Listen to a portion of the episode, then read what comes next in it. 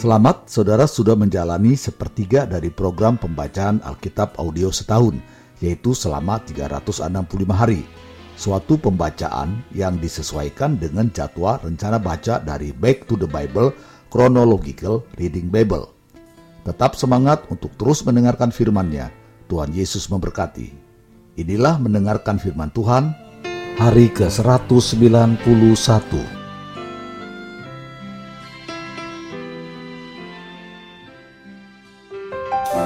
Yesaya pasal 5 ayat 1 sampai 7. Nyanyian tentang kebun anggur. Aku hendak menyanyikan nyanyian tentang kekasihku, nyanyian kekasihku tentang kebun anggurnya. Kekasihku itu mempunyai kebun anggur di lereng bukit yang subur. Ia mencangkulnya dan membuang batu-batunya, dan menanaminya dengan pokok anggur pilihan. Ia mendirikan sebuah menara jaga di tengah-tengahnya dan menggali lubang tempat memeras anggur. Lalu dinantinya supaya kebun itu menghasilkan buah anggur yang baik. Tetapi yang dihasilkannya ialah buah anggur yang asam. Maka sekarang, hai penduduk Yerusalem dan orang Yehuda, adililah antara aku dan kebun anggurku itu. Apakah lagi yang harus diperbuat untuk kebun anggurku itu yang belum kuperbuat kepadanya?' Aku menanti supaya dihasilkannya buah anggur yang baik. Mengapa yang dihasilkannya hanya buah anggur yang asam? Maka sekarang aku mau memberitahukan kepadamu apa yang hendak kulakukan kepada kebun anggurku itu. Aku akan menebang pagar durinya, sehingga kebun itu dimakan habis, dan melanda temboknya, sehingga kebun itu diinjak-injak. Aku akan membuatnya ditumbuhi semak-semak, tidak dirantingi dan tidak disiangi, sehingga tumbuh putri malu dan rumput. Aku akan memerintahkan awan-awan supaya jangan diturunkannya hujan ke atasnya.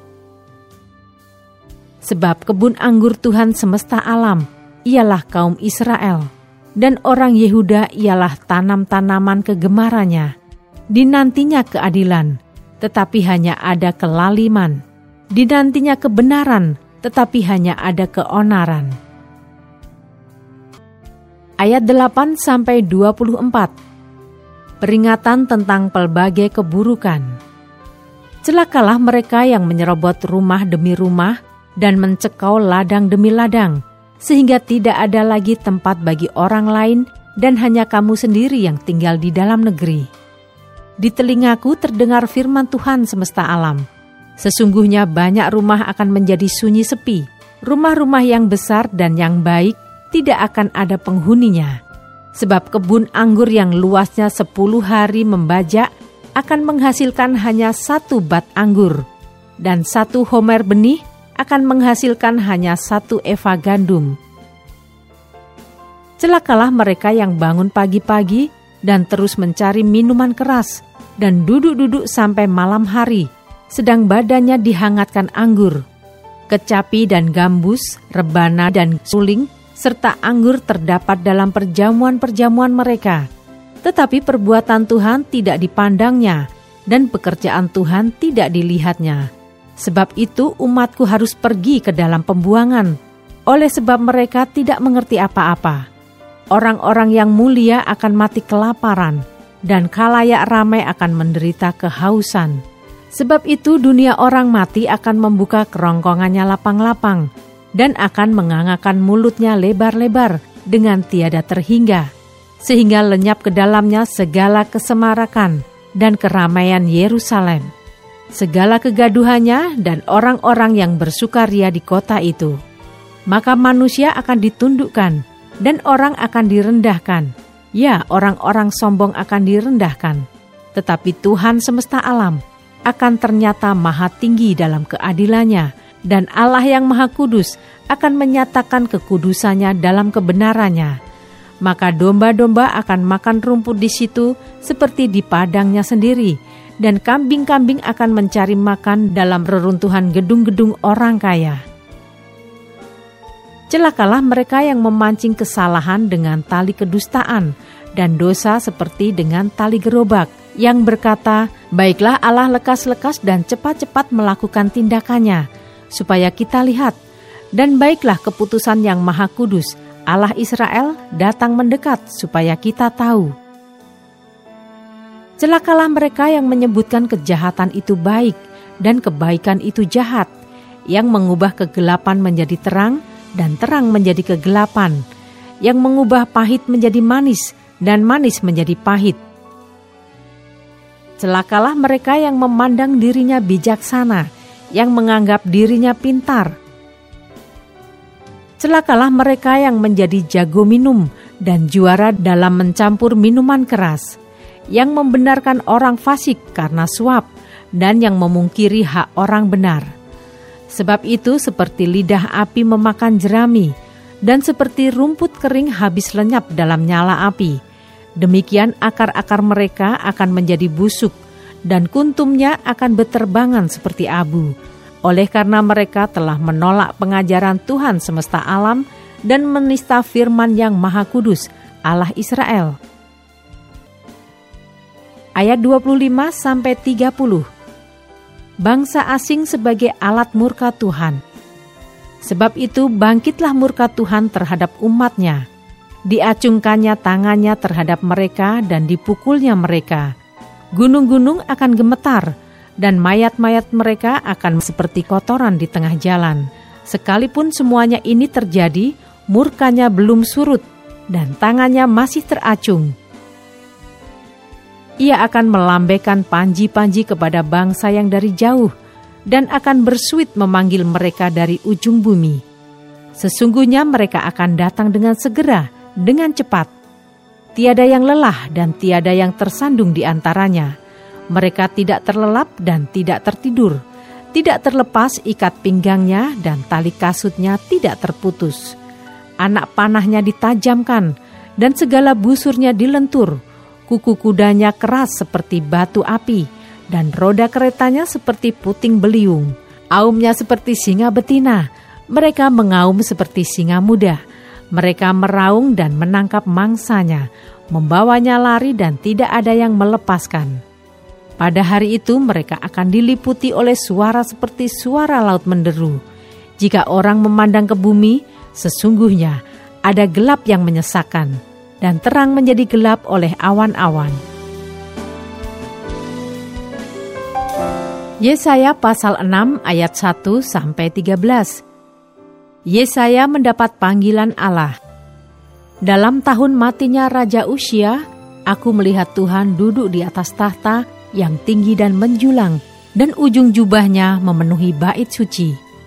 Para serafim berdiri di sebelah atasnya, masing-masing mempunyai enam sayap, Dua sayap dipakai untuk menutupi muka mereka, dua sayap dipakai untuk menutupi kaki mereka, dan dua sayap dipakai untuk melayang-layang.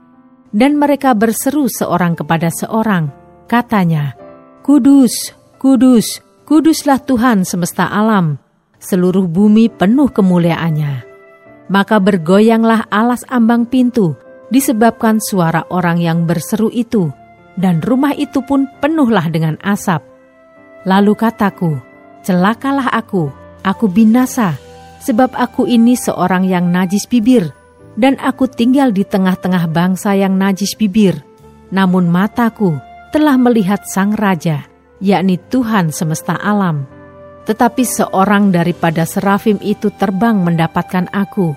Di tangannya ada bara yang diambilnya dengan sepit dari atas mesbah ia menyentuhkannya kepada mulutku serta berkata, Lihat, ini telah menyentuh bibirmu, maka kesalahanmu telah dihapus dan dosamu telah diampuni. Lalu aku mendengar suara Tuhan berkata, Siapakah yang akan kuutus dan siapakah yang mau pergi untuk aku?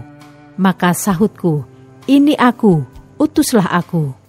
Kemudian firmannya, Pergilah dan katakanlah kepada bangsa ini, dengarlah sungguh-sungguh, tetapi mengerti jangan. Lihatlah sungguh-sungguh, tetapi menanggap jangan.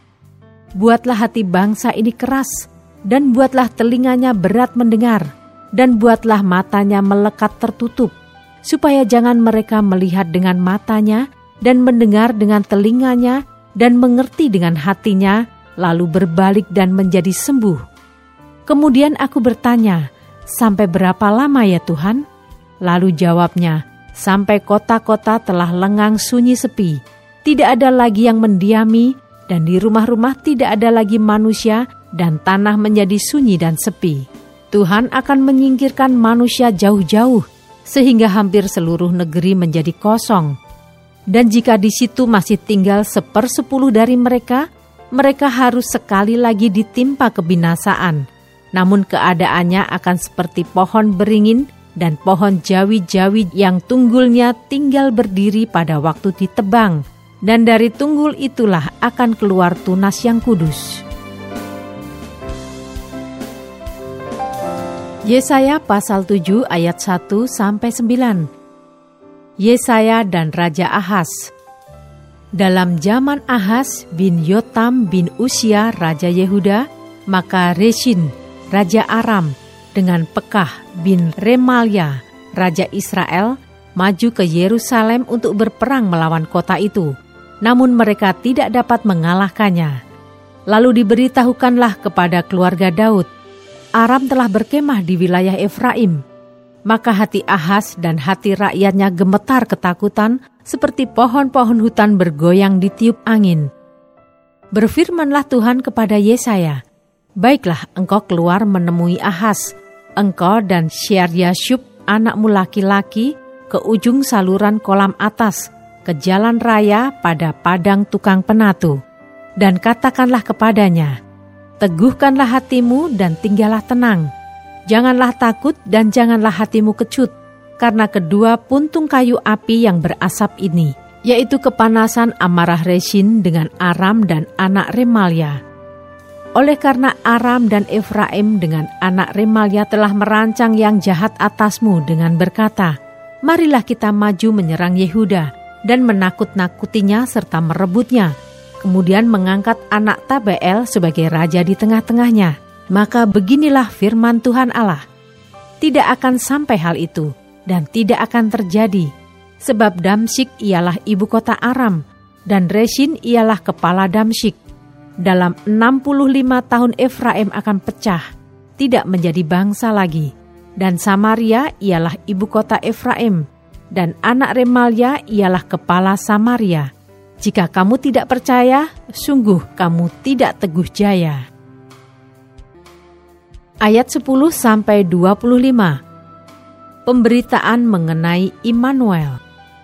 Tuhan melanjutkan firman-Nya kepada Ahaz, katanya, Mintalah suatu pertanda dari Tuhan Allahmu, biarlah itu sesuatu dari dunia orang mati yang paling bawah, atau sesuatu dari tempat tertinggi yang di atas tetapi Ahas menjawab, Aku tidak mau meminta, aku tidak mau mencobai Tuhan.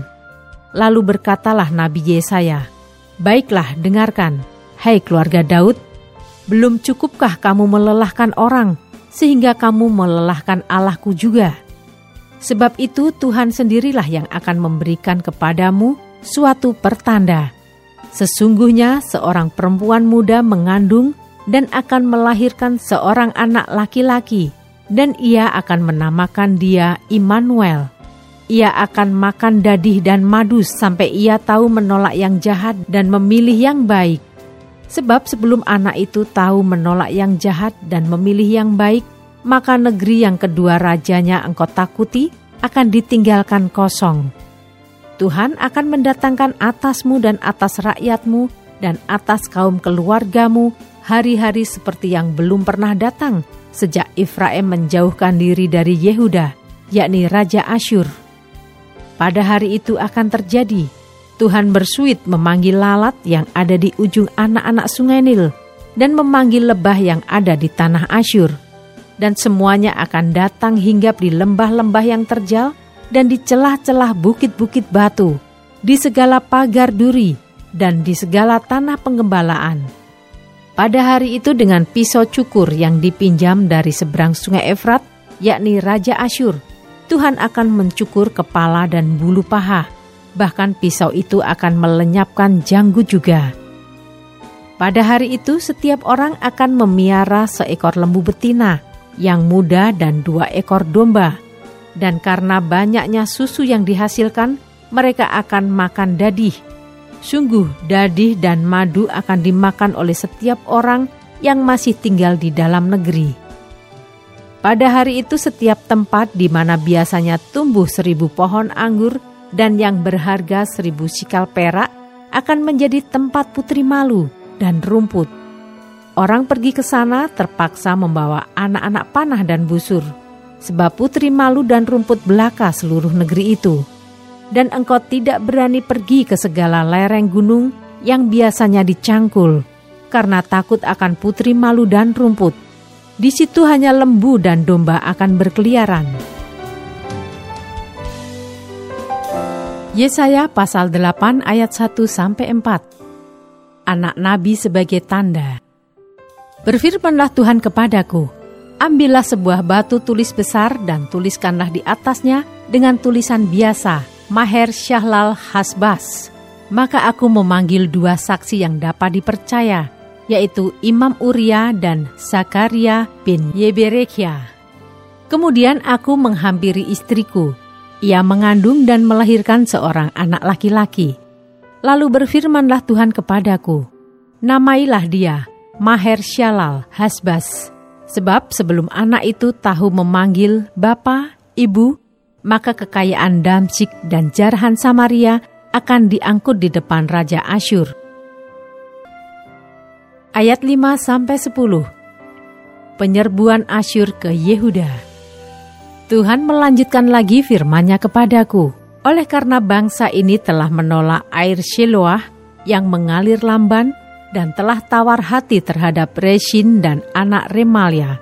Sebab itu, sesungguhnya Tuhan akan membuat air sungai Efrat yang kuat dan besar, meluap-luap atas mereka, yaitu Raja Asyur dengan segala kemuliaannya.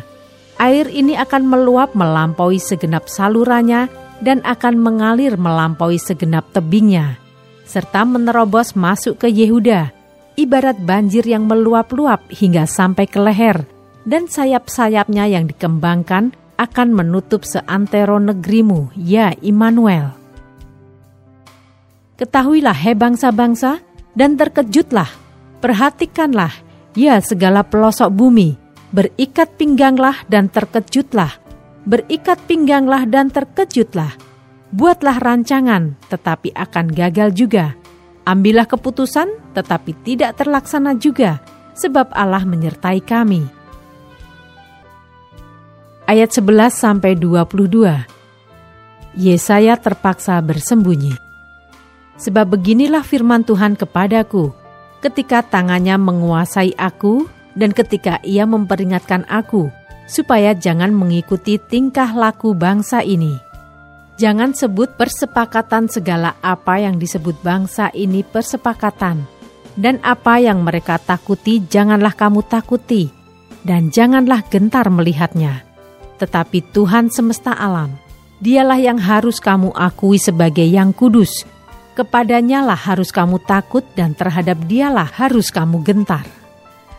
Ia akan menjadi tempat kudus, tetapi juga menjadi batu sentuhan dan batu sandungan bagi kedua kaum Israel itu, serta menjadi jerat dan perangkap bagi penduduk Yerusalem. Dan banyak di antara mereka akan tersandung, jatuh dan luka parah tertangkap dan tertawan. Aku harus menyimpan kesaksian ini dan memeteraikan pengajaran ini di antara murid-muridku. Dan aku hendak menanti-nantikan Tuhan yang menyembunyikan wajahnya terhadap kaum keturunan Yakub. Aku hendak mengharapkan dia. Sesungguhnya aku dan anak-anak yang telah diberikan Tuhan kepadaku adalah tanda dan alamat di antara orang Israel dari Tuhan semesta alam yang diam di Gunung Sion.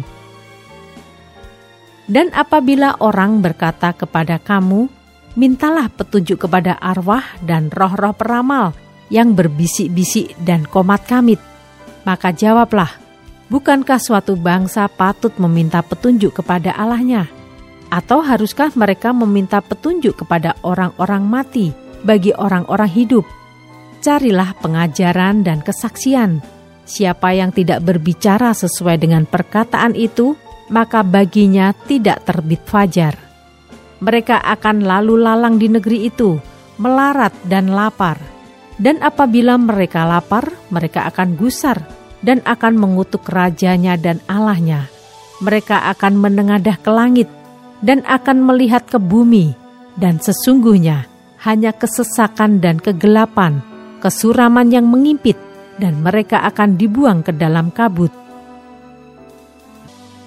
Ayat 23 Kelahiran Raja Damai tetapi tidak selamanya akan ada kesuraman untuk negeri yang terimpit itu. Kalau dahulu Tuhan merendahkan tanah Sebulon dan tanah Naftali, maka di kemudian hari ia akan memuliakan jalan ke laut, daerah seberang sungai Yordan, wilayah bangsa-bangsa lain.